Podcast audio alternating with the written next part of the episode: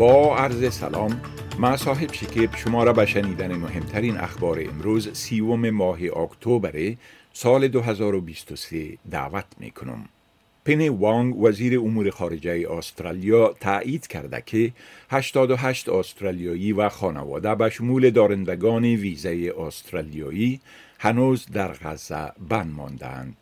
با گفته خانم وانگ حکومت نتوانسته آنها را خارج کند زیرا گذرگاه مرزی رفع به سوی مصر هنوز هم بسته است. او به رادیوی ای بی سی گفت که حکومت نگران امنیت استرالیایی ها و غیر نظامیان در آن منطقه است به خصوص کسانی که مایل به ترک آن منطقه نیستند.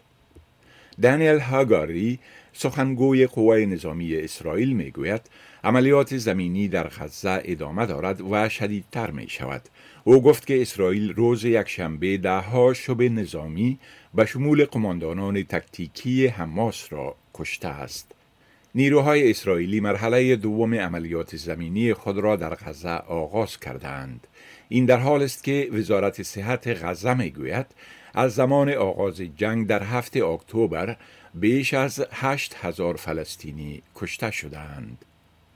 با نزدیک شدن ضرب العجل پاکستان برای اخراج همه مهاجرین بدون اسناد اقامت به تاریخ اول نوامبر در حدود دو هزار مهاجر افغان به کشورشان برگشته و حکومت طالبان می‌گوید که آنها را پس از ثبت نام برای گرفتن کمک به سازمان ملل متحد معرفی کرده است.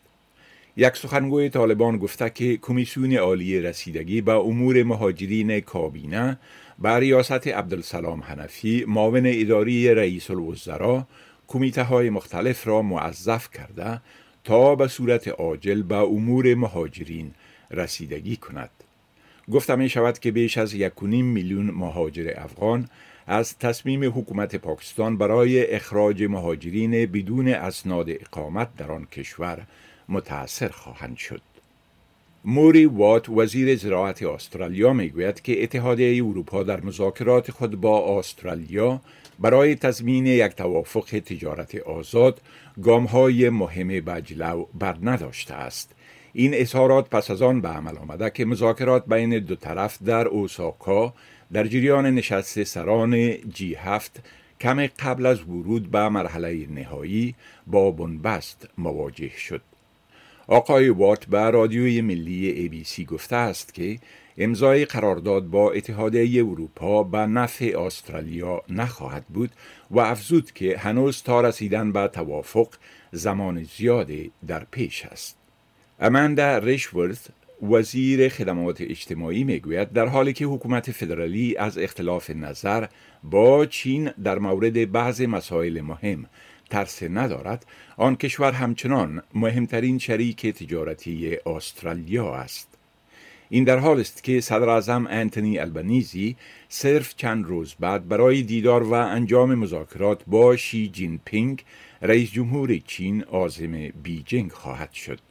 خانم ریشورث به تلویزیون چینل هفت گفت که این سفر آقای البنیزی برای تقویت ثبات روابط بین دو کشور مهم است. بریجت مکنزی سناتور حزب نیشنلت می گوید که حکومت فدرالی باید برای هزاران نفری که با فشارهای مخارج زندگی دست و پنجه نرم می کنند امداد فراهم کند. در حالی که صرف چند هفته بعد دوران کریسمس باقی مانده خردفروشان در مورد آینده مالیشان ابراز نگرانی می کنند چون مردم مجبور هستند مصارف اضافی خود را کاهش دهند تا در مخارج روزانه خود عقب نمانند خانم مکنزی به تلویزیون Channel هفت گفت که حکومت باید تصامیم مشکلی برای حمایت از مصرف کنندگان بگیرد.